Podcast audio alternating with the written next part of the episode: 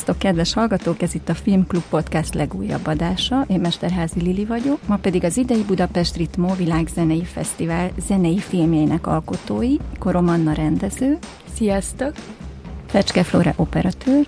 Sziasztok! És Szemerei Bence operatőr, fotós a vendégünk.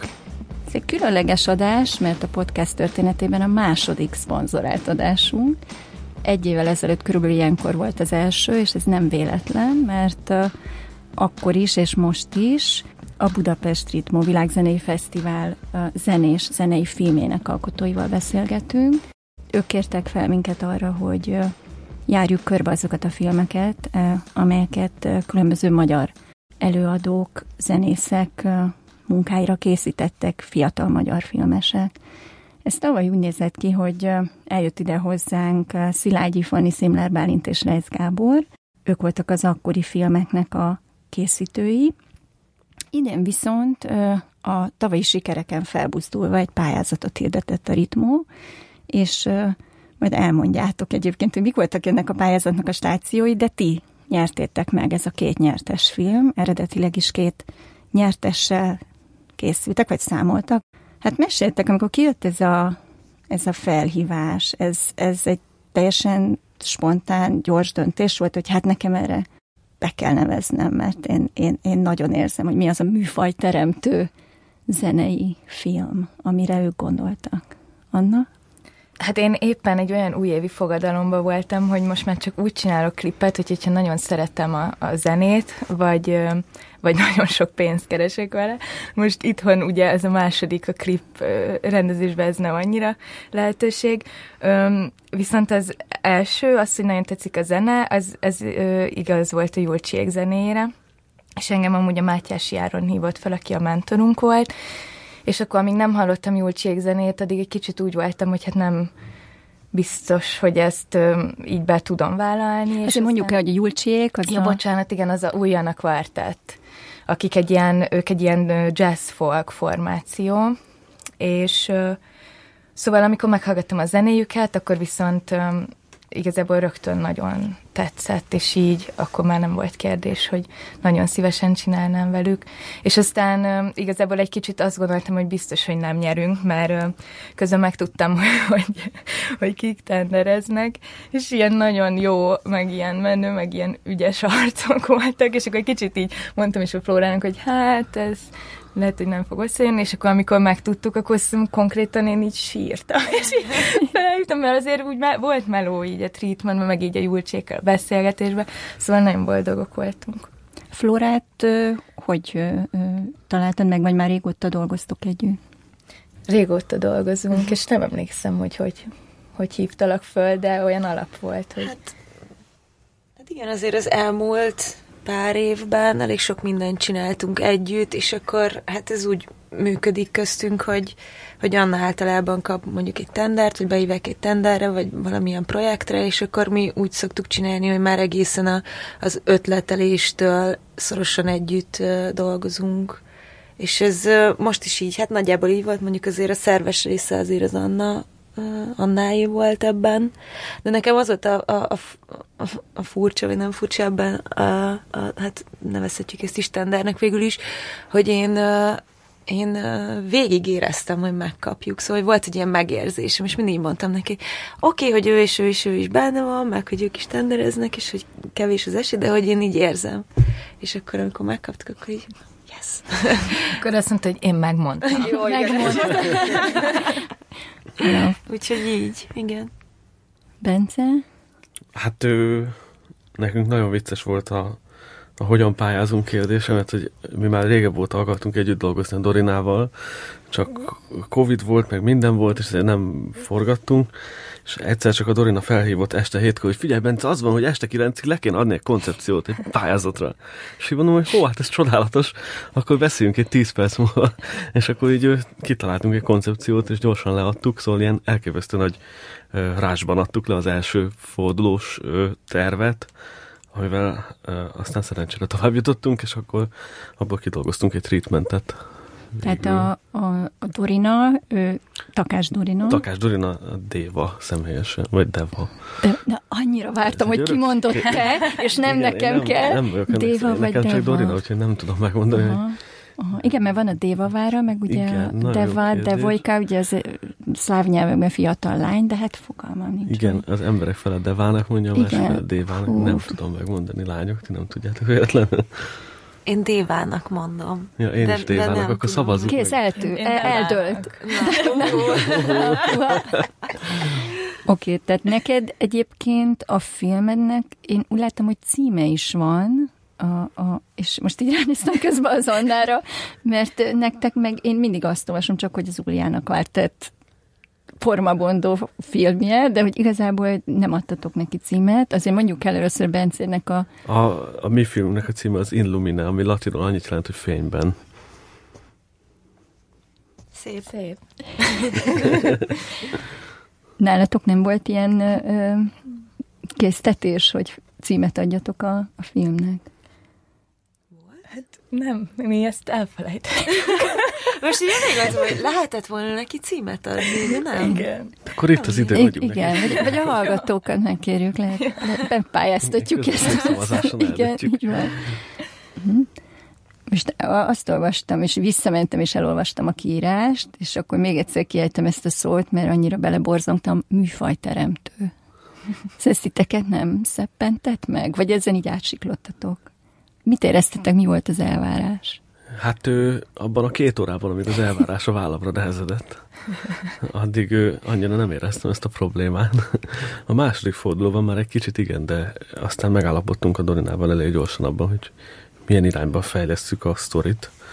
És így igen, furcsa szó mindenképpen, de szerencsére elég gyorsan eldöntöttük, hogy valamennyire narratív film, meg hogy a, a Dorina a főszereplője, illetve hogy hogy emellett a, nyilván a zené megjelennek benne, úgyhogy végül is ez így adekvát volt, hogy igen, ez egy műfajteremtő film kell, hogy legyen, hiszen ez a három dolog, ha egybe van, akkor nagyon más nem lehet. Olyan szempontból, hogy, hogy ugye nem is klip, de nem is koncertfilm, hanem egy ilyen átmenet, olyan szempontból ez igaz, és így maga ez nem annyira megrettentő. Szerintem meg például a tavaly a Mordály klip is ilyen volt, és engem az tökre így inspirált, meg úgy azt megnézve azt éreztem, hogy úgy értem, hogy igen, nagyjából mi is ilyesmi felé akarunk elindulni, hogy nem egy ilyen nagyon történetközpontú dolog, nem is csak koncertfilm, de hogy, tehát, hogy van benne valami fikció, de hogy az ne egy ilyen nagyon narratív klip legyen. Hát arra gondoltunk az elejétől kezdve, hogy ez inkább ilyen asszociatív hogy, a, hogy azok a képek, amik... Azt hiszem az megkötés volt egyébként, hogy magának a koncertnek, vagy, vagy ez nem megkötés volt, hanem a Julcsék szerették volna, hogy legyen koncertrész benne? Nem volt kötelező. Nem volt? Nem. De az így javasolt volt, hogy élőbe legyen felvéve a zene, és akkor végül mi ehhez így tartottuk Igen. magunkat. És akkor ami meg a fikciós rész, az meg... Uh, abban meg elég hamar eljutottunk oda, hogy, hogy akkor ez legyen ilyen illusztratív, illetve asszociatív a zenéhez, meg a koncert részekhez. Ja.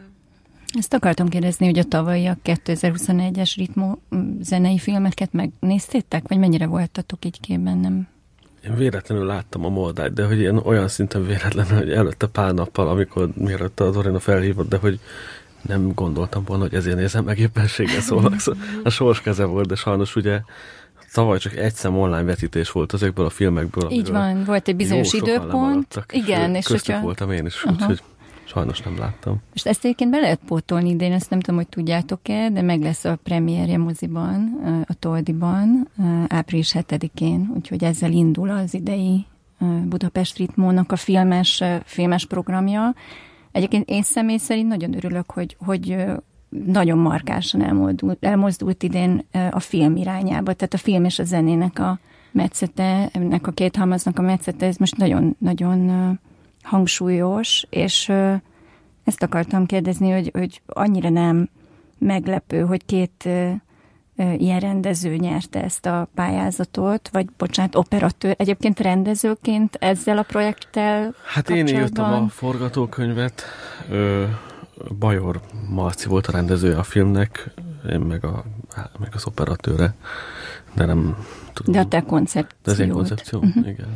Tehát, hogy, hogy két olyan alkotó nyerte ezt a, e, ezt a pályázatot, akik azért korábban már e, nagyon sokat foglalkoztak zenével, illetve zenei videókkal, klippekkel, sőt, e, amikor mi 2020 novemberében először az Annával beszélgettünk itt a Filmklub podcastban, akkor éppen a Mónika nem akar a Földön járni című vizsgafilmedről esett nagyon sok szó, amire emlékszem, hogy ezt úgy határoztad meg, hogy egy musical misztérium dráma?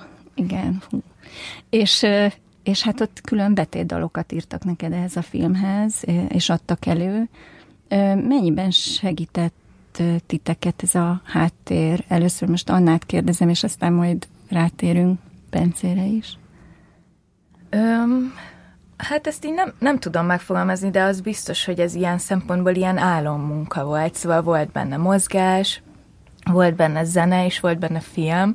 Szóval, hogy nekem ez ilyen, öm, tényleg ilyen a három dolog, amit a legjobban szeretek egy, egy ö, projektben.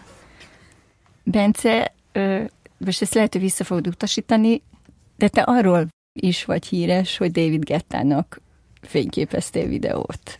Így történt. Megtörtént, valóban. Mesélsz erről egy kicsit, vagy, vagy úgy érzed, hogy ez már lerágott csont? Hát nagyon felkapta a a magyar média, úgyhogy elég sok podcast meghallgatható velem ezzel kapcsolatban. Azt hiszem potom hat órányi, hogyha valakit nagyon érdekel. De hogy briefly, nagyon röviden Simon Balázs rendezőt kereste meg David Getta azzal, hogy szeretne tőle egy videóklip koncepciót kérni, amit Balázs el is készített, és megnyertük a tendert, és utána a Covid kezdős közepén két hetes gyártási határidővel leforgattunk neki egy videóklipet itt Magyarországon. Ö, igen, igen, igen. És hogy lehet David Gettet rávenni arra, hogy így megkeressen, mint rendező? hát, vagy, ö, ne, vagy asking for a friend. hát igazándiból a Simon Balázs ugye alapvetően ö, leginkább már csak külföldre dolgozik, és most már külföldön is él, és az ő neve azért forog ilyen körökben.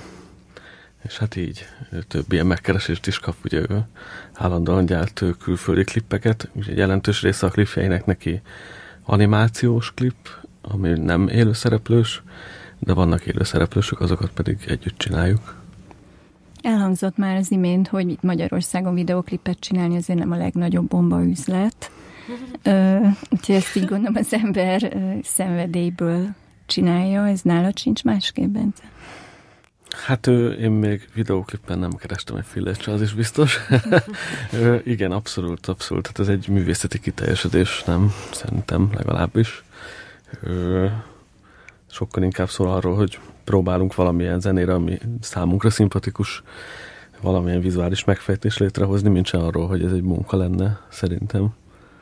Beszéljünk a koncepció kialakításáról, mert meg, meg volt akkor a, a művész, meg volt a zene, Ilyenkor mit csináltok? Hátradőltök egy fülhallgatóval, és napokig hallgatjátok ezeket a számokat? Jöjjön az ihlet? Én ismertem az albumot, ugye, a, tehát, hogy a pályázat után jelent meg az album a Dorinának, amiből készült a film, de én közben ismertem az albumot, mert ugye, hogy volt közöttünk már egy ilyen beszélgetés, hogy kellene csinálni klippet, de hogy mondjuk ennél a filmnél, amikor Dorina felhívott, akkor annyit mondott, hogy lenne egy, egy idézete, ami, a, amiben egy Platon tanítás van tulajdonképpen, és ezen elindulva írta meg a forgatókönyvét a filmnek, de és meglepően ö, könnyen ment, vagy hogy mondjam, szóval, hogy nyilván hmm, nem arra gondol az ember, hogy ezt dolgokat így megcsinál, és ehhez képest a Dorinával ez elképesztően rövid alatt elkészült. A könyv megírása az nem vett több időt igénybe, pár óránál, és ö, óriási egyetértésben leadtuk ezt a könyvet, és nyertünk vele, de hogy, hogy egyébként valahogy a, Dorina zenére ez könnyen ment. Valószínűleg azért, mert hogy szeretem a Dorina zenét, meg ismertem már a zenéket, szóval nem egy, egy ismeretlen hanganyagra kellett valamit kitalálni. Anna? Hát ne, mi leültünk a Julcsival először beszélgetni, hogy ő, ők így mit képzelnek, utána ez volt, amit mondasz, hogy így hallgattuk napokig a zenéket, és akkor ö, utána így összeraktuk a treatmentet. De egyébként az, azt itt azért hozzáteszem, hogy, hogy arra azért egész sok idő volt, végül nem két hét, hogy magát a treatmentet összerakjuk, ami egy ilyen iszonyú jó volt. Szóval, hogy ahhoz szoktunk, hogy így az ilyen reklámtenderekben ilyen két, kb. két napod van arra, hogy ezt megcsináld, vagy három, és ahhoz képest, hogy így uh, tényleg többször átbeszélhettük, módosíthattuk, csinosíthattuk, Igen. hogy belemerültünk. Volt moodboardot összerakni, hogy így vizuálisan is kitalálni, szóval, hogy igen, ez egész kényelmes volt időben.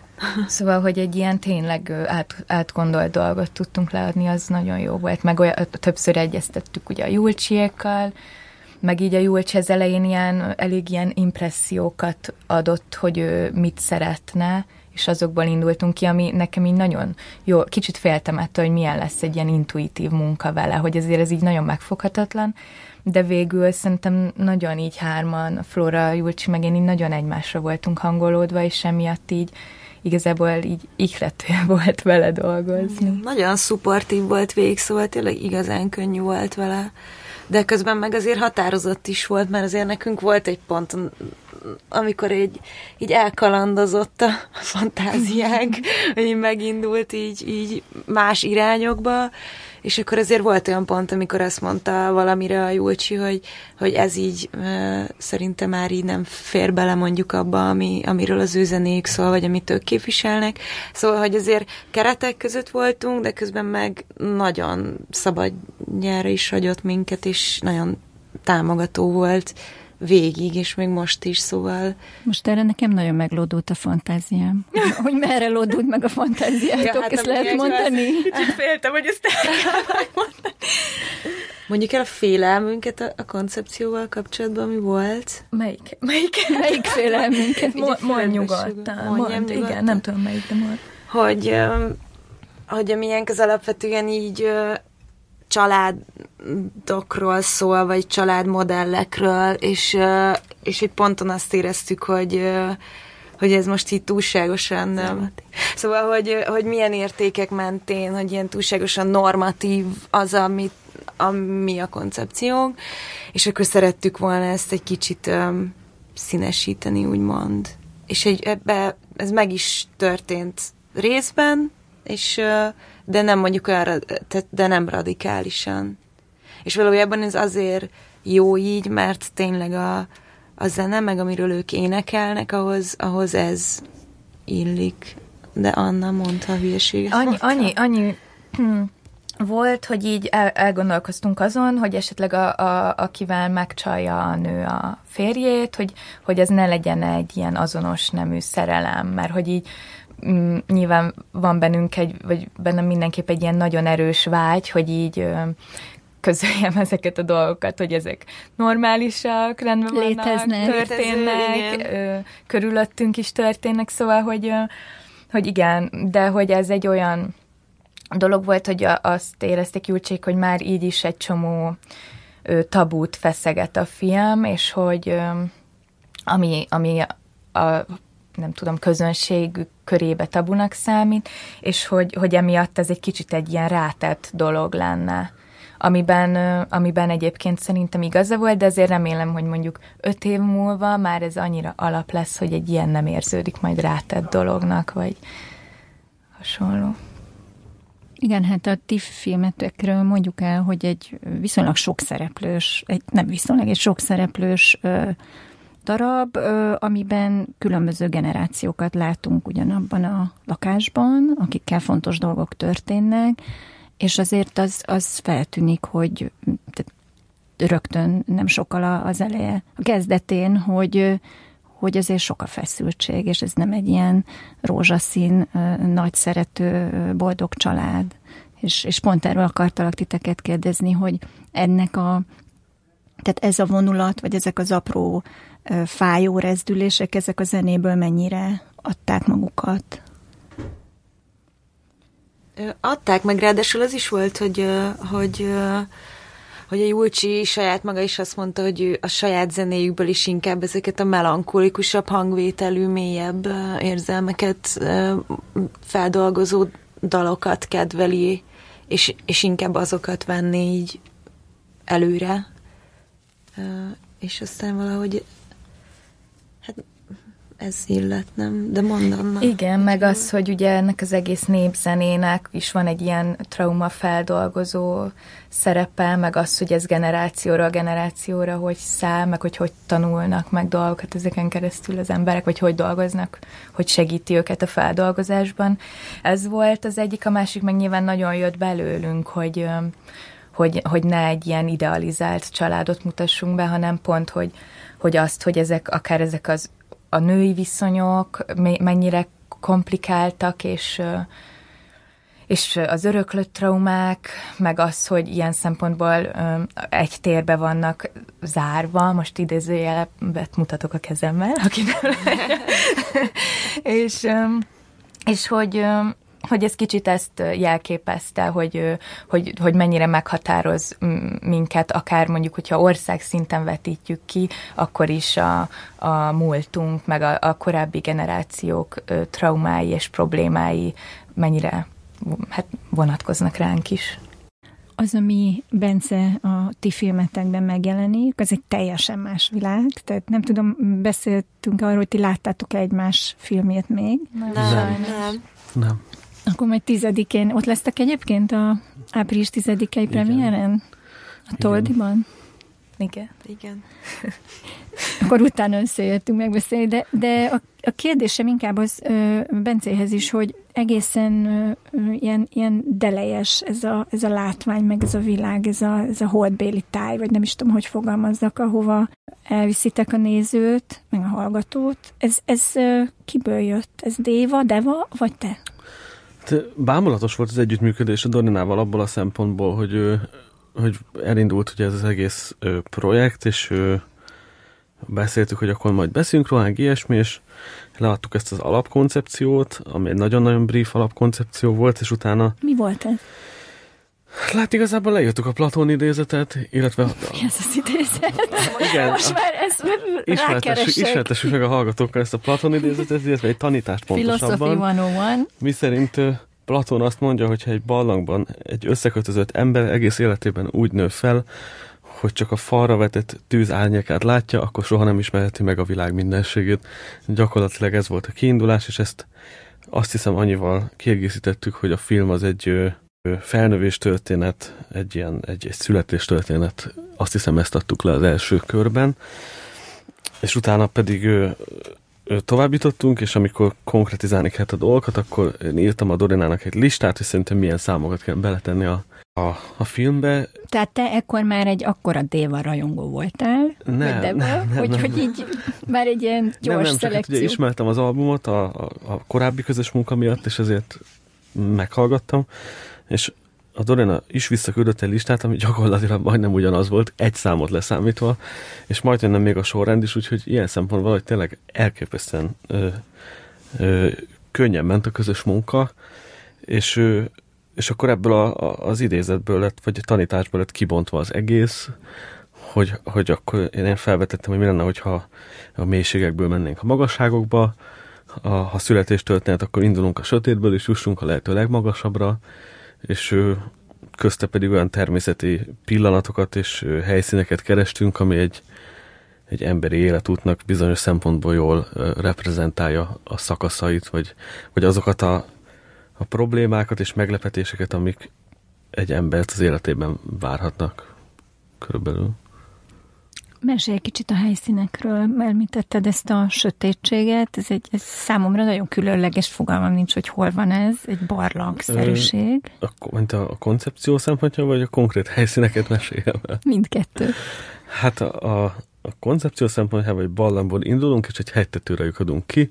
Ö, hogyha egy barlangból elindulunk, akkor az első várható dolog, ami az embert érinti, az egy erdő lesz jó eséllyel, úgyhogy így is folytatódik a film. Utána elérkeznek a szereplők egy, vagy igazából nem akarom elmondani. Ne, igen, nézzük, pont ezt akartam mondani, hogy most már így igen, nem akarom egy ilyen moodboardot felskicceltél. Mindegy, szerencsére, szerencsére kihagytam a jelentős részét, szóval a lényeg az, hogy el fogunk jutni egy vallamból, egy helytetőre. De egy természeti világban igen, vagyunk. Annyi, annyi nagyon fontos hozzával, hogy mi alapvetően nem Magyarországon akartuk ezt forgatni, csak a a kialakult politikai és háborús helyzet ezt eredményezte, de hogy mi ezt kifejezetten úgy szerettük, hogy nagyon nagy kontraszt legyen vizuálisan a helyek között, és egy, egy nagyon mély ballangból egy nagyon magas egy csúcsa üssünk.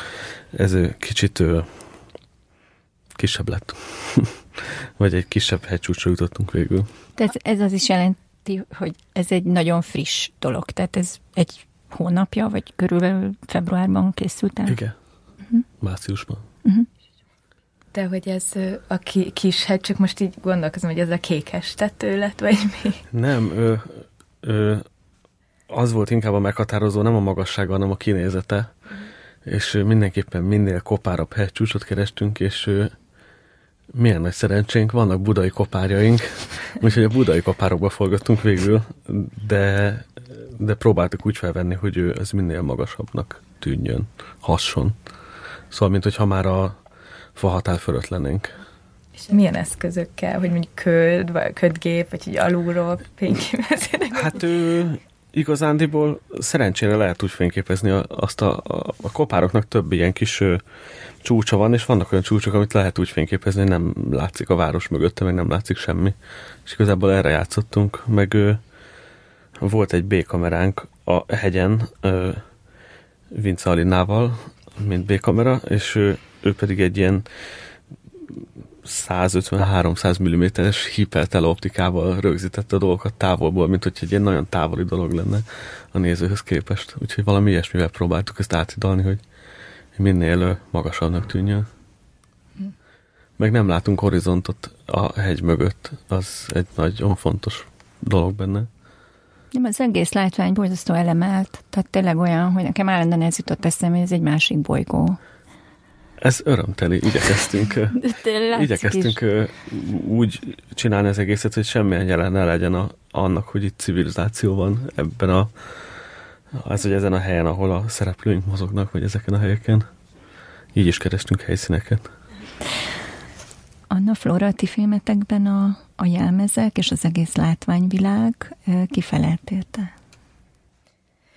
A jelmez a, a Sári Rozina, a látvány pedig a ö, Artim Rebi, és ö, itt lehet nem itt kéne elmondanom, de már nem bírom ki, hogy nem mondjam el, hogy elveszett egy kártyányi anyagunk.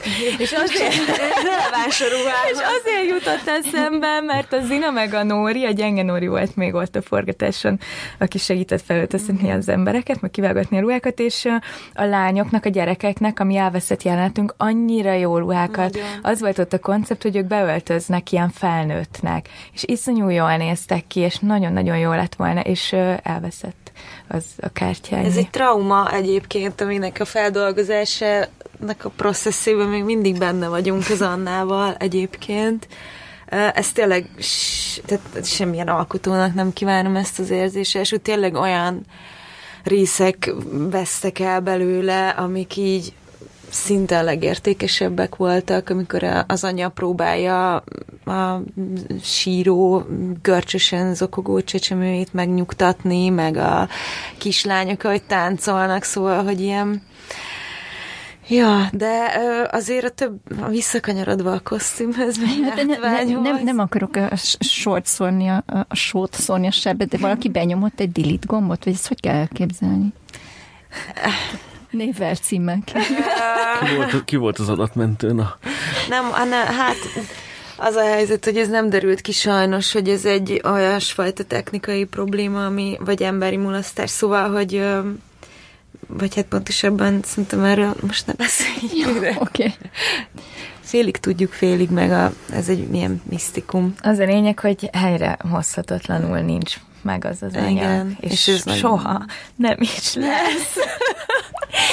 Tehát, tehát hogyha ti nézitek majd a premiéren ezt a darabot, akkor ez fog a fejetekben motoszkálni. Igen, Komolyan? Igen. Ez olyan fájdalmas. Ez nagyon, nagyon fájó pont. Egyébként mi a Pusztazámori kastélyban, fo- ugye? Nem az a neve? Nem tudom. Az öreg tölgy, öreg igen, tölgy. Igen. Ó, jó öreg. Bence tudja, hogy hol forgattatok, kérdezzétek. forgattam ott, Igen, ott forgattunk, és végül azért esett arra a választás, mert ugye, tehát azért szerettük volna, hogyha ez úgy néz ki, mintha egy lakásban történne, ahol a generációk váltják egymást, de nagyon nehéz volt olyan helyszínt találni, ahol azért többféle kisebb helység is van, és van egy, egy nagy helység, ahol a koncertfelvételt is fel tudjuk venni. Arról majd egyébként beszéltünk külön, mert azt, hogy mi egy külön unittal forgattuk, ami szintén elég nehéz, szóval, hogy sok nehézséget okozott, de hogy végül ezért lett ez a, a helyszín, mert itt mindent tulajdonképpen meg tudtunk csinálni, amit szerettünk volna, vagy hogy meg alkalmas volt hozzá, és és a látvány meg valójában elég sok minden volt ott helyben, amit tudtunk használni, vagy hogy így van egy erős hangulata, de hogy azért például az én részemről mondjuk ez egy, én kértem külön, hogy legyen sok effektlámpa, am, amiket meg tehát, hogy maga így a, a kellékeknek a válogatás, és aztán ezeknek így a berendezése a tereknek, az meg szerintem gyönyörűen sikerült, úgyhogy... Akkor én itt meg elmondom azt, hogy... Te meg utáltad. Nem, hanem, hogy én nekem ez egy tök nagy tanulság volt, hogy így kicsit így kicsúszott a kezemből az, hogy én ennél sokkal ilyen szocióbat akartam eredetileg, csak annyira megörültünk ennek a csodás helyszínnek, meg hogy ott minden egy helyen van, meg ilyenek, hogy végül egy kicsit így elment más irányba, és én ezt egy kicsit amúgy sajnálom, mert az én fejemben ez tényleg egy ilyen nagyon dokumentarista dolog lett volna festményszerűen fényképezve. Hát igen, hát ez... most nem tudom, hogy nálatok hogy volt, de nálunk azért rengeteg kompromisszum volt, tehát hogy ilyen endless a lista, és, és például igen, a helyszín ebből a szempontból kompromisszum volt, de sok szempontból meg tényleg uh, tudtunk mondjuk szimultán haladni a koncertfelvétellel is, tehát hogy lehetővé tette azt, hogy ne egy lakásban kelljen egymás után lineárisan berendezni a tereket, és úgy haladni, ha nem tudjon menni, igen. Úgyhogy nem tudom. Hát nálunk ugye két kompromisszum volt, hogy elbuktuk a nagy ö, hegyeinket, amit külföldön akartunk forgatni, meg hát ugye az időjárás.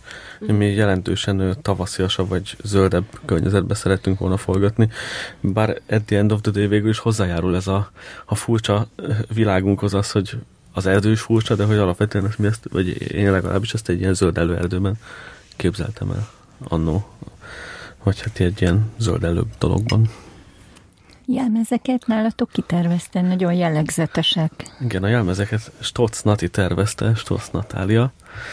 Ö, az első pillanattól része volt a produkciónak, a Bajor Marci rendezőnek a, a barátja, és ő, az volt az alapvetésünk, hogy egy olyan ruhát tervezünk, ami nem, nem annyira hangsúlyos, és nem annyira vonja el a figyelmet, viszont ettől függetlenül pedig van valamilyen megjelenése, és mégiscsak egy valamilyen filmesebb irányba mozdul el, és Nati elképesztő sebességgel készítette el a dolgot. Mi még kanyalban sem voltunk minden helyszín megtalálásával, és egyébben, amikor ő már szinte kész volt mindennel, és amikor mi indultunk location scoutolni, mondták, hogy jaj, hát ők már ruhapróbára mennek, és már, izé, már nagyjából kész is van mind a 15 darab ruha, meg minden, úgyhogy ilyen elképesztő tempóban elkészült.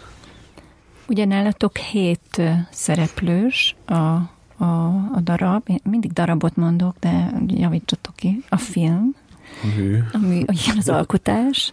És ugye Déva, aki a központi szereplő, és a hat énekesnője, vagy kórus? Kórus, kórus tag, akik Dorinának a volt osztálytársai és barátnői. Ez az én ötletem volt, vagy én javasoltam. Láttam több olyan felvételt, amin együtt énekelnek, és úgy gondoltam, hogy valószínűleg komfortosan mozognának együtt, és komfortosan dolgoznának, illetve a, a filmben megjelenik a kórus, mint szereplő, vagy a kórusként is szerepelnek többször, úgyhogy egészen adekváltnak éreztem, hogy ők legyenek a szereplők, és ne keressünk pluszba egyéb színészeket. Szerintem ő, így, így jutottunk el oda, hogy azok az emberek szerepeltek a filmben, akik a legjobban értik a Dorinának a zenéit, illetve hát részt is vesznek bizonyos dalaiban. És nem csak az valahogy ez a hét fiatal lány ezekben a furcsa, kicsit ilyen utopisztikus fehér ruhákban, olyan, olyan népmesei volt az egész. Igen, ugye Dorina nagyon szereti a, a alapból a népzenét, és az ilyen népzenének a feldolgozását, úgyhogy ez szintén ilyen szinte nem is kellett nagyon gondolkozni rajta, és egyértelmű volt, hogy akkor el tudunk menni egy ilyen kényelmesebb népies irányba, illetve hát ugye a ritmo is alapvetően világzenével foglalkozik, meg népzenével, szóval nem is volt kérdés, hogy nyilván nem az elektronikus lábát erősítjük a Dorina produkcióinak. Tehát akkor nálatok ilyen értelemben casting nem volt? Nem is volt, igen, nem is volt. Nem is volt az volt a casting, hogy megnéztem a kórusos YouTube videókat, és megállapítottam, hogy na, hát ez csoda Ez a kórus jó lesz. Igen, igen, igen, igen. igen. És Anna, nálatok? Említettük már, hogy sok, sok szereplő van, felbukan Székely Rozi felismerhetően, egy, egy nagyon fontos ember a számodra, illetve művész a számodra. Igen, um, hát mi eléggé meg dolgoztunk a castinggal, de aztán úgy összejött. Például a, aki a Déd nagymamát játsza, ő egy ő rajziskolában modell, akkor voltak, akik statiszta ügynökségtől jöttek a, az ikrák, úristen, nagyon ügyesek voltak, hóvirág és napsugár, és Így csak egyszer őket? rontottam el őket a forgatás alatt a legvégén. Ez a nevük, igen, nagyon ügyesek voltak, és, és aki levágja a haját, ez egyik legjobb barátom, Rigel Bence. Így össze szedegettük, aztán ráadásul volt egy covidos szereplőnk, akinek a tesztje a forgatás napján derült ki, hogy pozitív, úgyhogy akkor megint ment az őrült telefonálgatás, hogy akkor valaki gyorsan jöjjön el, és akkor szintén az egyik barátunk ugrott be szeretőnek, úgyhogy ez ilyen, igen. Szoptatós anya. Az volt egy nagy kör. Mert az eredeti koncepcióban úgy volt, hogy, hogy azt látjuk, hogy amikor így elalszik az anya, miközben szoptatja a gyerekét, és akkor így, e, hát e, azért ez sok, sok volt, nem? Sok körös, hogy, hogy találjunk, aztán végül nem is találtunk olyat, aki bevállalná. De hát úgyis elveszett ez az anyag, úgyhogy igazából visszatérve a traumákhoz. Micsoda optimizmus. Úgy van jól, akkor, akkor milyen kár lett volna érteni. Most gondolj bele.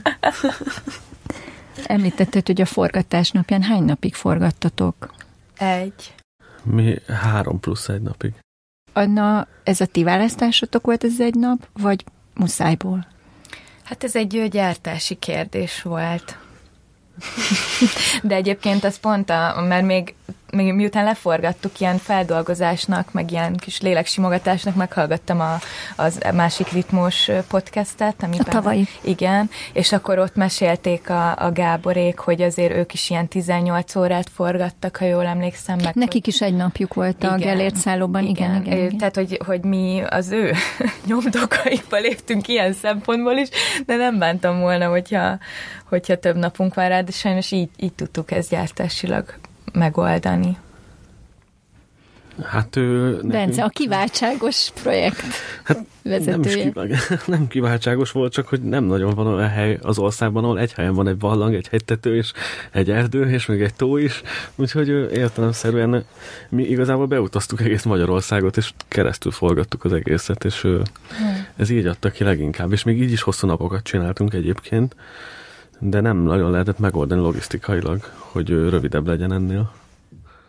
És hm. akkor még jött rá egy plusz pótforgatási nap, mert hogy a film végénél elméletileg naplemente kellett volna, hogy legyen, és ehhez képest olyan felhős volt az ég, és olyan besimult szürke volt, ahogy annak rendje és módja, úgyhogy szépen leforgattuk, vetettük egy dobozba, és újra vettük az egész végét, ugye, hogy volt.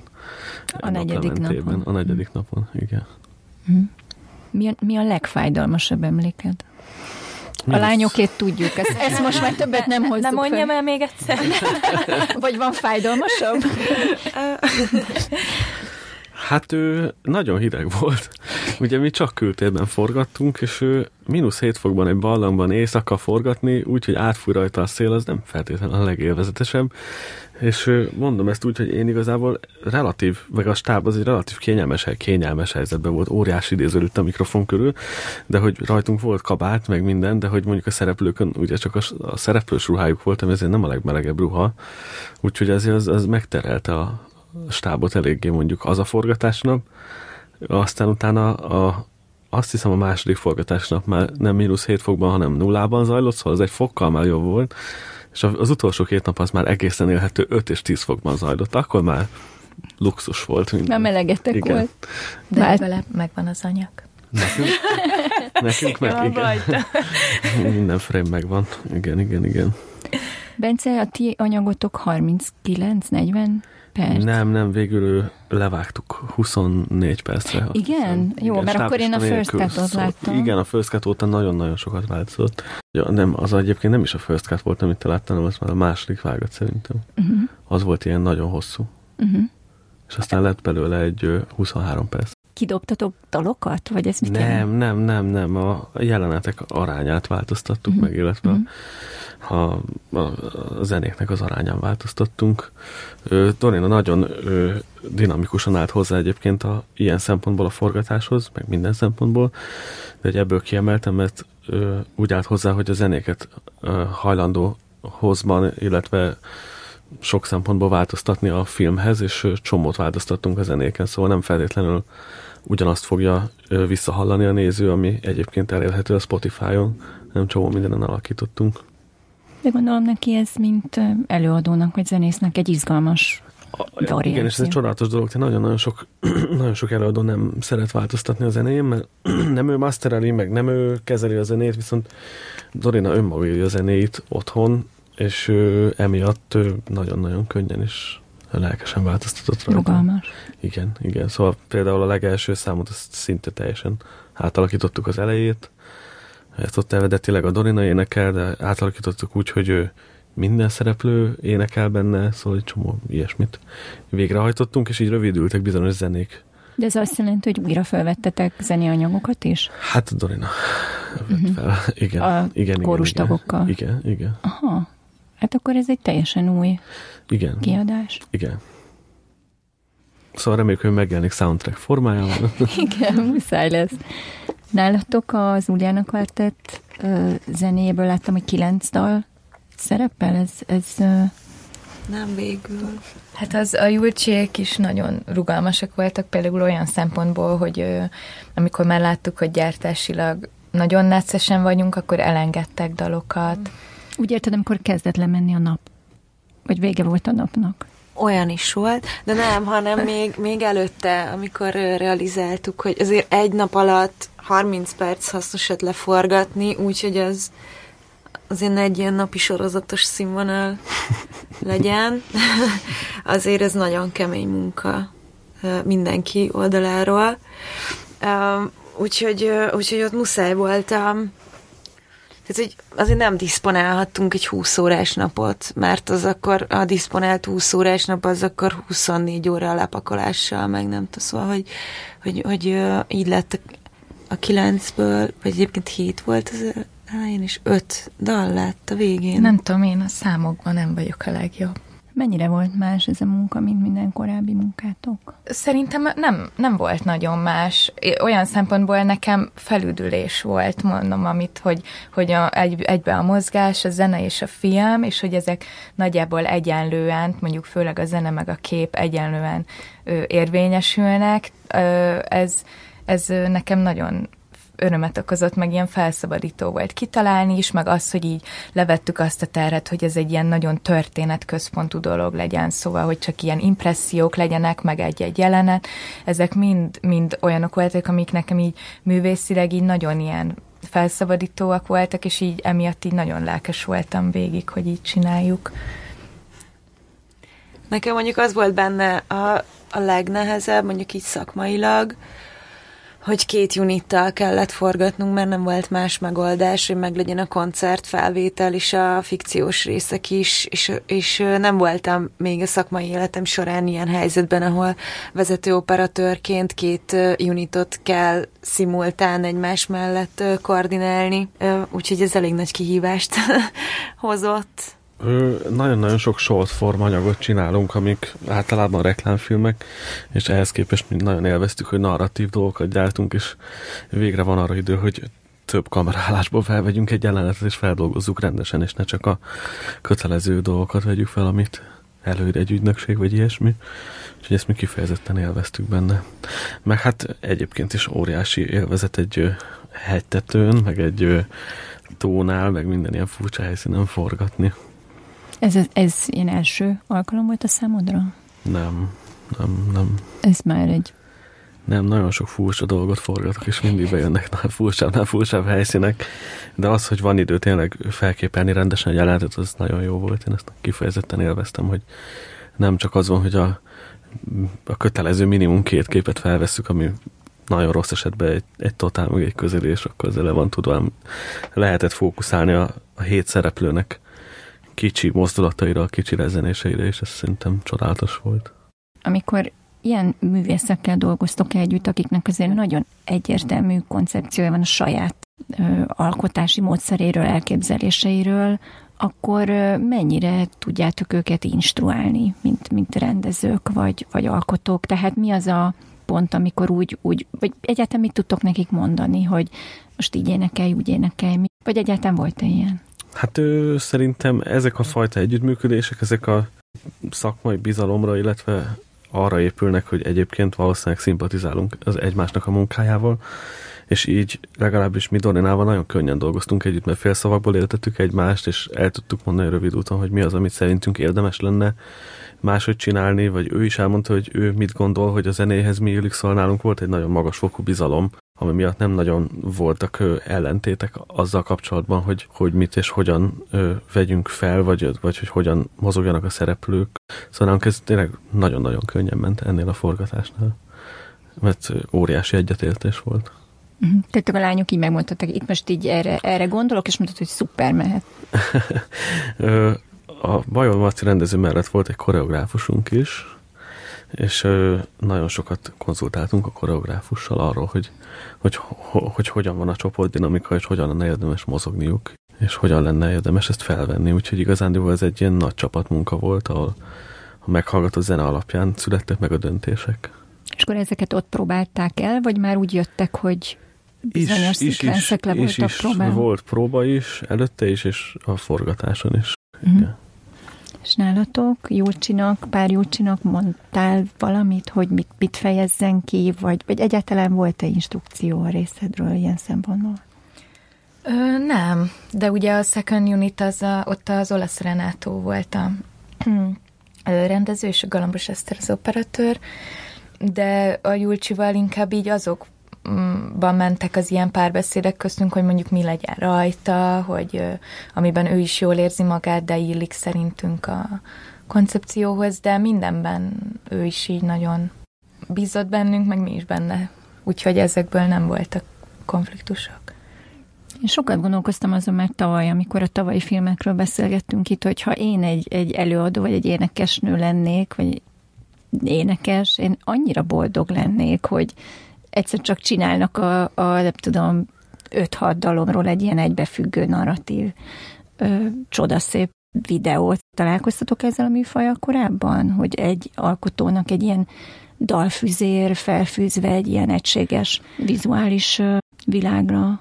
Külföldön ez azt talán annyira nem ismeretlen, úgyhogy... Uh-huh. És, és pont ezen gondolkoztam, hogy, hogy, hogy ti néztetek-e valamilyen hasonló, nagyobb formátumú, hosszabb zenei anyagot?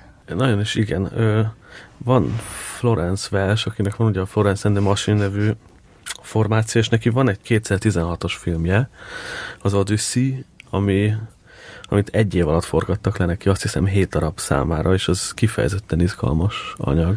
Szóval az nekünk így szem előtt lebegett, hogy létezett egy ilyen, mondjuk egy elég large scale projekt volt, mert ők forgattak Los Angelesben, forgattak az angol tengerparton, vagy Skóciában forgattak még csomóvárosban, szóval ők egy ilyen eléggé világot lefedő produkciót hoztak létre, de az egy nagyon izgalmas film, azt mindenkinek ajánlom, szerintem egy csodálatos film. Annak a főszereplője a Florence, és ő az, a zenékből, illetve az életéből mutat meg részleteket, és ő egészen különböző vizuális megvalósítások nagyon-nagyon jól találkoznak. Hát azonos volt a rendezője mindegyiknek, és az operatőre. Ez nekem is nagy kedvencem, amit mondanak. Meg hát mi néztünk egy csomó ilyen, így a, Covid miatt ilyen otthoni koncerteket, amiket nem csak valaki így felvett a hálójában, hanem úgy tényleg rendesen mondjuk be volt világítva. Nekem is ez a Florence, ez egy ilyen mérföldkő, amihez így vissza lehet gondolni mindig, hogy ez létezik, vagy ilyen. Nem, ez egy csodálatos nagyon. alkotás tényleg, és Igen. sajnos alulértékelt, vagy hogy kijött 16-ban, és utána nem nagyon futott sehol. És pedig szerintem nagyon szép film. YouTube? Ö, igen, ott érhető el meg Vimeo-n. Uh-huh. Teljes mértékben ingyenesen megtekinthető. Uh-huh. És ő külön is fent van egyenként is, videóklippenként, de egyben is. Ha valaki rákeres, hogy The Odyssey, akkor meg fogja találni. Flóra, neked van valamilyen hasonló élményed? Igen, ami vizuálisan... Igen, ami akár ihletett is kicsit.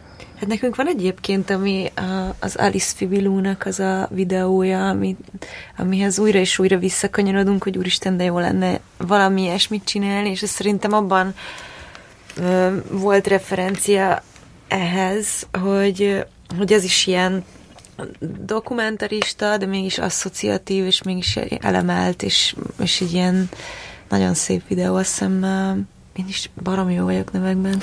Lost in LA, vagy Dream in LA, vagy valami ilyes, LA Session, vagy valami ilyesmi a címe. Most nem keresem, vagy mindjárt, ha kell. De hogy, hogy egyébként egy, egész sok mindenből uh, Sorrentino filmek, az új Sorrentino ez a Hand of God. Film, Hand of. God, ami, ami ugye az is egy család történet, és, és az így az olasz szoció, és arra emlékszem, hogy az, abból több képünk is volt egyébként a moodboardban, meg meg fotósok. Meg, igen, fotósok. Nem jut eszembe. Filmesek, meg fotósok. Street, az egyikük street fotó. Ez egy ilyen ki mit tudok. Fantasztikus. Ki mit Tényleg ez a szavazatok. Kire gondolhatott Anna a 74. percben? Tudom, hogy nehéz kérdés, és lehet, hogy illetve ismerek olyat, aki idegenkedik ettől, hogy a saját stílusáról beszéljen, de szerintetek ezekben a zenei műfajteremtő zenei filmekben hol tetten érhető az, akik ti most vagytok? Hát én nem tudom, hogy ez, én nem, nem gond, vagy én sose gondolok úgy, hogy akkor nekem van egy saját stílusom, vagy ilyesmi.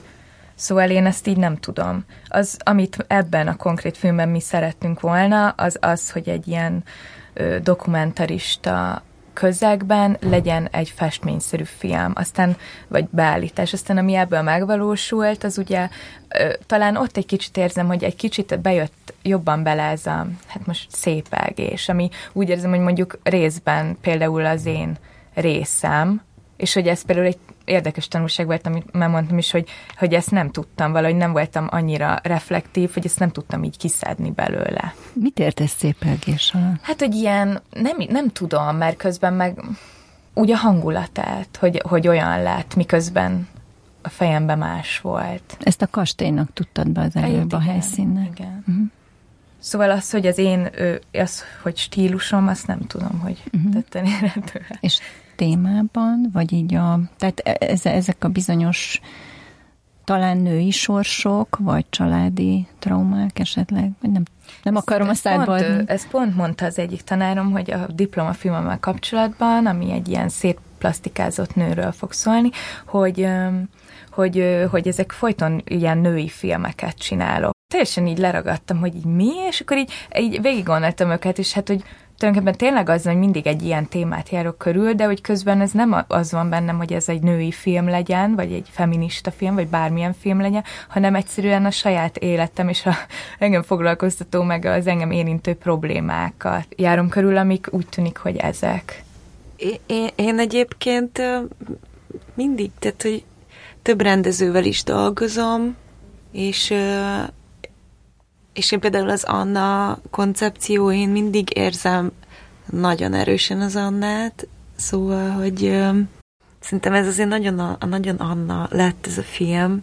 Részemről, meg én, én, én ilyen borzasztóan maximalista vagyok, és, és valahogy az visz előre, hogy sose vagyok elégedett a, a munkámmal, és ez egy skálán mozog, és most az elégedettségi szintem az nagyon lent van.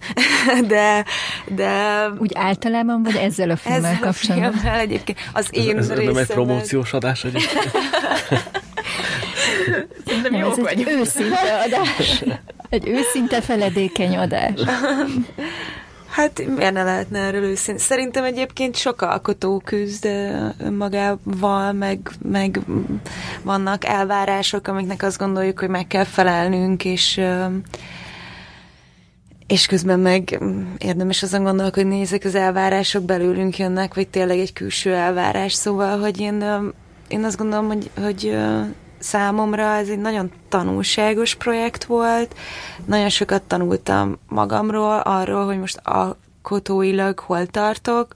Nem feltétlenül a szakmai tudásomról, hanem, hanem a saját alkotói énemről, és ezért nagyon fontosnak tartom. Um, hogy mennyire látszik. Én, én egyébként ugyanezt érzem magamról, hogy mennyire van saját stílusom, hát van, aki azt mondja, hogy ránéz és látja, hogy, hogy jó, ez olyan flórás, meg olyan egyértelmű. Én nekem, én, én azt gondolom, vagy szeretnék úgy gondolkodni erről egyébként, hogy azért a, a projekt határozza meg, hogy képileg mit, és nem feltétlenül az, hogy én mondjuk mint fecskefóra operatőri miért szeretnék csinálni, hanem hogy a projekt mit kíván meg. Um, de hát nem, nem tudom, ez nehéz szerintem önmagáról az embernek. Vagy biztos van, akinek könnyebb, nekem nem. Az. Ugyanezt tudom elmondani, hogy állítólag felismerhetőek a képeim. Én erre nem tudok mit mondani, mert értelmszerűen belülről ezt nem látja az ember. A film aspektusából olyan szempontból érdekes lesz, hogy mivel az, az egészet a természetben forgattuk, gyakorlatilag egyetlen egy világított jelenetünk volt, és azon túl minden az a természetre volt bízva, és nem világítottuk a filmet, szóval, hogy ő, az biztos, hogy a, a világítási stílusom az nem felfedezhető benne, mert nincs világítva a film. Azon túl a kompozíciók, meg a kameramozgás az lehetséges, ezt nem tudom megmondani. Ezt döntsék el a nézők, és szavaztassuk meg, ezt tudom mondani. Április 10-én vannak a bemutatók, még egyszer elmondom. Toldi Mozi, Déva in Lumine, és az Uliana Quartet Untitled projektje, utóbbi Korom Anna és Fecske Flóra munkája, Szemerei Bence pedig Pajor Marcella készítette el Déva zenés filmjét. Nekem még szöget ütött a fejemben ez a pályáztatás, még hagyd térjek ide-vissza. Említettétek, hogy mentorotok is volt. Pontosan mit jelentett ez ebben a munkafolyamatban, illetve mennyire volt újdonság a hogy a mi mentorunk Damakos Attila volt, és mi Attilával konzultálgattunk mindenféle kérdésben, megvalósításról is, koncepció szempontjából is, azt, hogy mennyire reális megvalósítani a koncepciót. Úgyhogy részünkről ez egy ilyen, egy ilyen együttműködés volt. Számomra ez annyira nem volt idegen, én a momén végeztem, úgyhogy nekünk alapvetően így zajlottak a fél évek is, hogy a, a, a vezető tanárokkal konstansan konzultáltunk a projektjeinkről, úgyhogy ő szerintem otthonosan mozogtunk ebben, és nagyon jó volt a Attila segítsége és a meglátásai, úgyhogy ezúttal is köszönjük neki a mentorálást. Szóval nekünk a Mátyás Járon volt, és ő egy annyira remek ember, nagyon, nagyon sokat segített is. Öm, végigkövette igazából az egészet, meg ő hívott be ebbe a projektbe, szóval tőle minden olyan segítséget megkaptunk, amire vágytunk. Köszönjük. De tényleg. Ez a koncepció kialakításánál ö, volt ö, döntő, vagy? Hát szerintem az is tök fontos, hogy ő például úgy volt mentor, hogy így nem kezdett el beleszólni a koncepcióba olyan szinten, hogy mit alakítana át, vagy ilyesmi, inkább ilyen praktikus meglátásokban. És, és ezt én nagyon értékelem, szóval, hogy így hagyta, hogy mi, mi találjuk ki, és így inkább abba segített, hogy ezt mi hogy valósítsuk meg. Mi alapvetően úgy terveztük a koncepciót, hogy ebbe a, a, a ritma által elnyerhető összegbe beleférjen a koncepció. A természeti területeknek egy jelentős részét ö, el lehet kérni, vagy ki lehet bérelni ingyen is, illetve egy, egy alacsonyabb összegért is lehet barlangot bérelni például. Ezt nem tudtam. Igen, szóval, hogy nekünk a helyszínek miatt fért bele ez, hogy három napot tudtunk forgatni, illetve amiatt, hogy nem nagyon kellett világítani, szóval elég kicsi stábbal, elég dinamikusan tudtunk mozogni. Hányan voltatok? Napja válogatta, a, volt olyan nap, amikor azt hiszem egy 30 fős tábbal, de volt olyan nap, amikor csak egy 15 fős, 20 fős inkább, 20 fős tábbal mentünk forgatni. De ez leginkább ö, gyártás és kameracsapat volt, meg asszisztencia.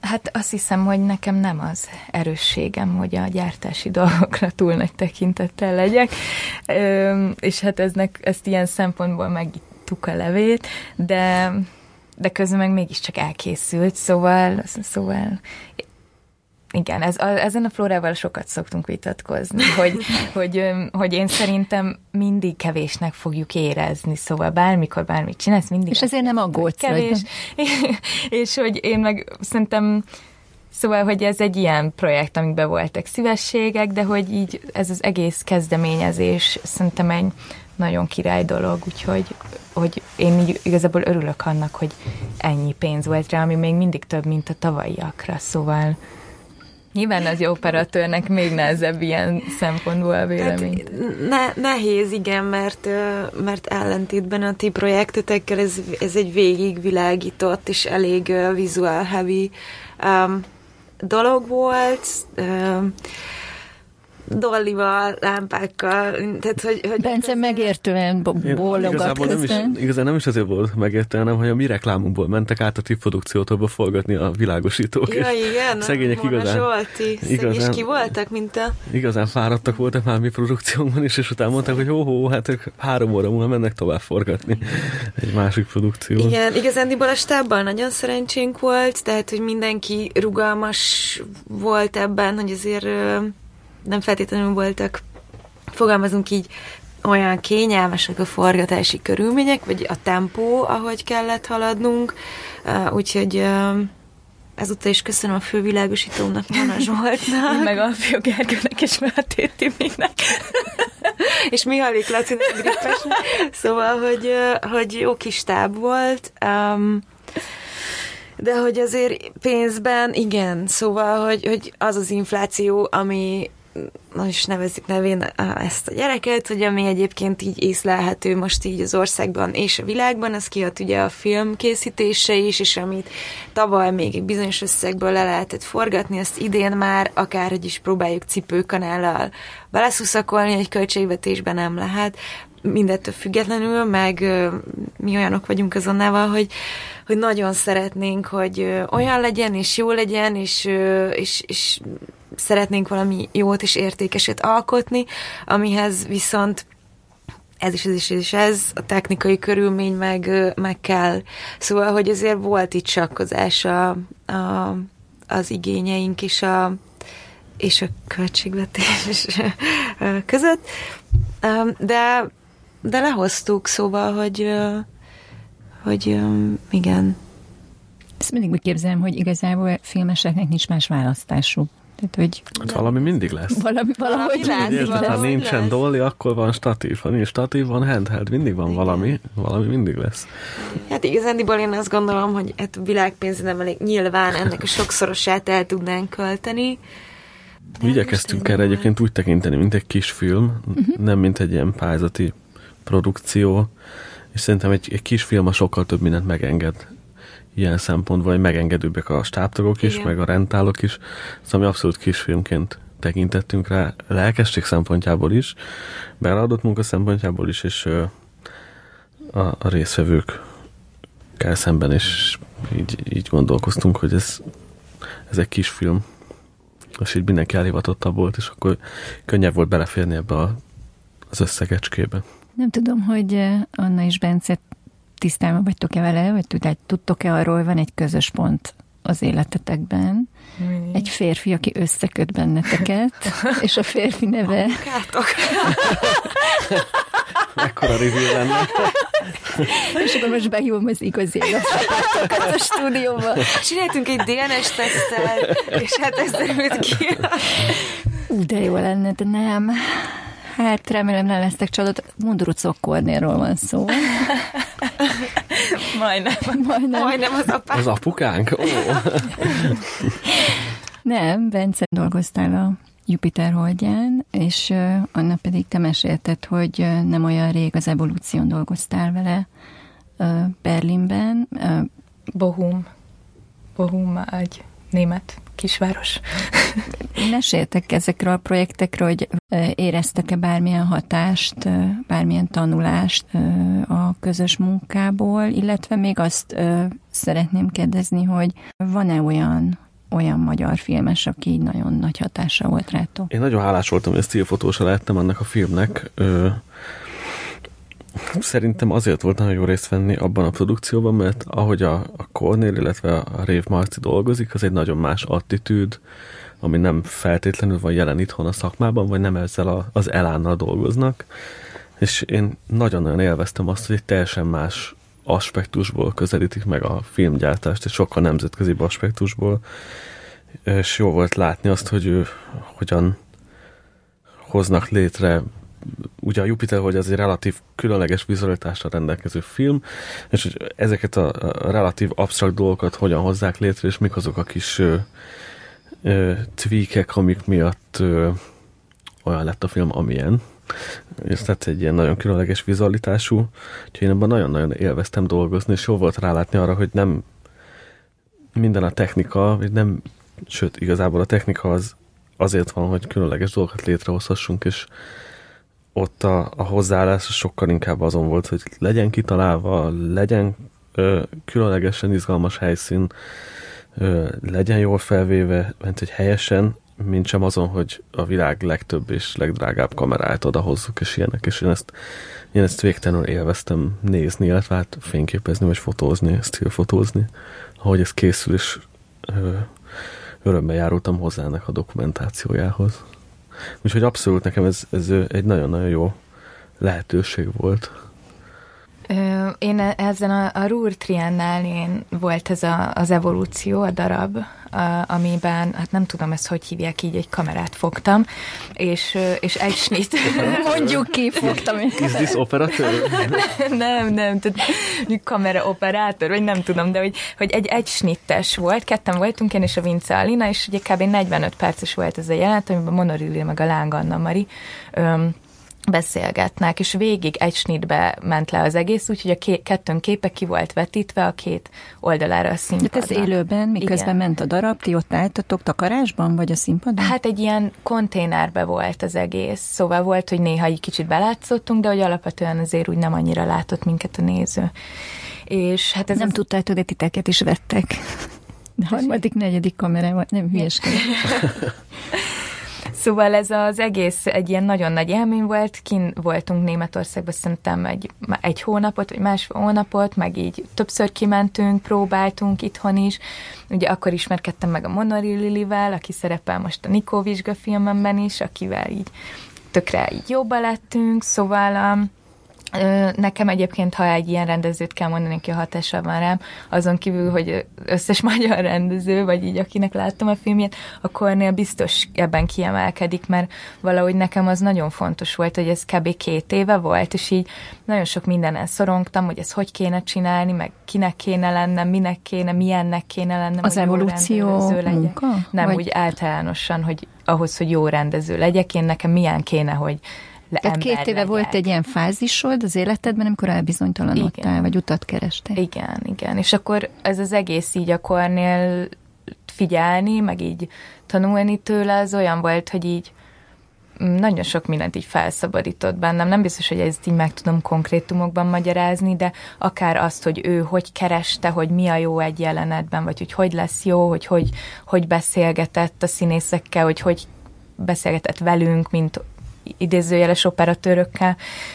Szóval az egy, így tökre úgy emlékszem arra, hogy ez nekem egy ilyen nagyon fontos dolog volt. És hát az, hogy az Alinával egy hónapot együtt töltöttünk Németországban, az meg ajándék.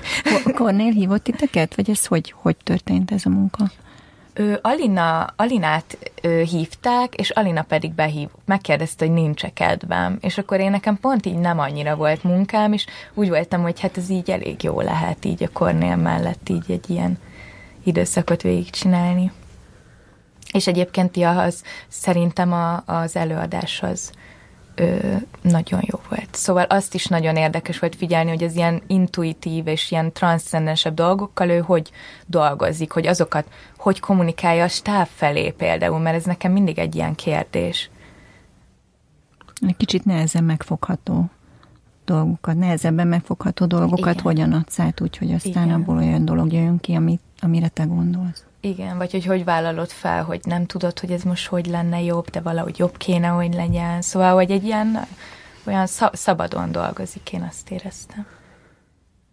Úgy még hozzáfűztetek egy dolgot? Én feltétlenül. Hogy engem lenyűgözött a, a, a Cornellnak és az Ág Marcinak és a Rév Marcinak a maximalizmusa a Jupiter holdjában, és ez, ez az egész szedben jelen volt, és ez nekem nagyon-nagyon nagy élmény volt, hogy soha nem volt olyan, hogy jó lesz az úgy, Soha nem volt olyan, hogy akkor csak úgy, hát felvettük, aztán menjünk a következőre, hanem mindig a lehető legjobbat, legtökéletesebbet ö, hozták létre, és ezt, ezt szerintem zseniális volt látni, hogy, ö, hogy a díszlet az olyan tökéletes, hogy ott elhiszed, nincs, nincs az a mondat, hogy fú, hát nem lett jól bevilágítva, de majd posztban megoldjuk, és ez nekem ez egy nagyon nagy élmény volt, hogy lehet ezzel az attitűddel is filmet készíteni, hogy igenis addig csináljuk, amíg nem lesz a legjobb és a legmagasabb minőség, és szerintem ez kimagaslóan csodálatos volt azon a forgatáson. És érezted magadon a változást az attól fogva, amikor Ő... te is filmes léptél? Hát nem, ezt, ezt nem tudom megmondani, én akkor felvételeztem a Moméra, úgyhogy uh-huh. nagyon sűrű életem volt akkor, de mindenképpen egy, egy, egy megnyugtató dolog volt látni, hogy hogy ez a fajta hozzáállás, ez legitim és létezik, hogy igenis el lehet vinni a dolgokat a lehető legmaximumig, és nem, nem kell mindent egy ponton félbehagyni, és nem kell azt mondani, hogy hát ez így jó lesz, szóval ilyen nem kell ezt a napi sorozatos attitűdöt felvenni. Flora, neked van olyan operatőr, aki, aki meghatározó, vagy akár filmes rendező? Magyar? Magyar, vagy nem, nem kell, hogy magyar legyen természetesen. Aki, aki rögtön eszembe jut, mert akkor a hatás gyakorolt rá. Hát a, és részben így róla is, vagy hát arról a metódusról írtam az emás szakdolgozatomat az SZF-en. Nekem Emanuel Lubecki és Terence Malik párosa, akik így nagyon inspiratívak, és nagyon tudok kapcsolódni ehhez, amit a Bence mondott, és ez az a fajta ő, hozzáállás, ami, ami nyilván egy ilyen, á, bocsánat, egy ilyen ö, álom, hogy majd remélem, hogy egyszer tényleg ö, oda kerülök, hogy így lehessen alkotni, mert olyanok lesznek a körülmények, hogy lehet így, hogy, hogy, hogy, hogy, hogy erre van pénz is lehet is ide visszakanyarodva. Uh, szóval, hogy az ő, ő filmjeik, ők csináltak több, hát azt hiszem öt vagy hat filmet együtt, és ebből van egy trilógiájuk, ami számomra itt talán a legmeghatározóbb volt azzal kapcsolatban, hogy, hogy ilyen, hogy gondolkodok arról, hogy a, hogy a kép és a történet az hogy tud ennyire szorosan együtt egy közöset létrehozni. Úgyhogy én őket emelném ki. Egyébként, e, vagy hogy ehhez is, hogy mondtad, hogy nincs világítva a filmetek, hogy, hogy szerintem egyébként az is világítva van, ahol nincsenek lámpák. Tehát, hogy nyilván te határozod meg Igen. azt, hogy melyik napszakban, milyen irányba a természetes fényt, hogy terelgeted, biztos megvolt ez a kis kincses ládát, hogy milyen eszközökkel nyújtál hozzá a természetes fényhez. Egyébként ez engem nagyon motivál a természetes fény használata, szóval nem csak a, a mesterséges világítás, hanem ez is. Úgyhogy őket emelném ki.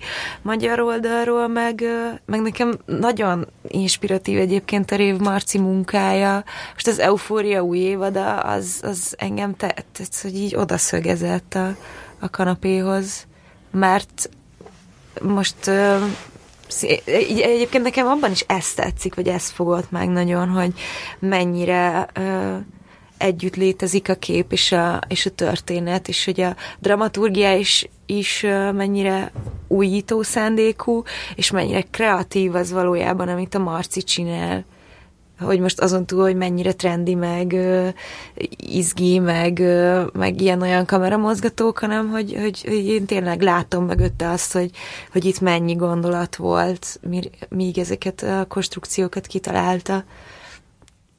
De te ilyen szemmel nézed akkor a sorozatokat is, vagy a filmeket is, hogy mindig. Tehát ez, ez nem nyugszik az operatóri szem. Van egyébként ö, olyan film, ami teljesen elvisz, és nem, a, például volt most a Maggie Gyllenhaalnek ez a Lost Daughter című filmje, ami annyira elvitt, hogy így volt, hogy utána így beszélgettünk, mert nem is tudom, talán pont a Galamos Eszterrel is mondta, hogy, hogy ú, és ez a handheld shot a tengerparton, én mondom, milyen handheld shot? Én egyáltalán nem, nem is vettem, hogy van, hogy elvisz annyira, de mondjuk pont az eufóriában egyszerűen annyira ott van, hogy, hogy, hogy hogy igen, látom, de de vagy nem tudom, hogy Bence, neked ez mennyire, mennyire nézett szakmai szemmel, én eléggé hát, egyébként. Én ne, vagy nem tudom, mi a szakmai szem, de hogy én nem szakmai szemmel szoktam nézni, hogy, hogy nézem, és így ö, megdöbbenek, hogy jó Isten, hát ez gyönyörű, és inkább ez szokott lenni, hogy hogy nézem a filmet, és így a kezem rajta van mondjuk a billentyűzeten, és screenshotokat Én készítek konstánsan. És most pont néztem, azt, van egy screenshot mapám, van valami 3600 screenshot az elmúlt egy évből, és, és hát ja, én inkább, ilyen, inkább így lenyűgöződöm, hogy ó, hát ez, ez elképesztően gyönyörű, és ez legyen koltás film, vagy, vagy régebbi film, vagy, vagy szóval azon nem gondolkozok, hogy most konkrétan mi volt a technikai megvalósítás, csak azon, hogy fú, hát ez, ez egészen bámulatos Ez lett. megszületett. Igen, ez ott van. ez lenyűgöző. Szóval én így le tudok nyűgöződni ilyen végtelenül, és végtelen tudok örülni, ö, vagy, vagy felháborodni azon, hogy fú, hát ez nagyon rossz lett, vagy ilyesmi. Szóval, hogy így a, én, én, én nagyon érzelmesen kezelem ezeket a, a Személyesen. Szem, Személyesen, igen, igen. Mondjuk el akkor még egyszer, hogy vendégeink Koromanna rendező, Fecske Flora operatőr, Szemerei Bence operatőr, és azért ültünk le beszélgetni, mert idén is április 7 és 10 között megrendezésre kerül a Budapest Ritmó Világzenei Fesztivál a Bartók Tavasz Nemzetközi Művészeti Hetek keretében.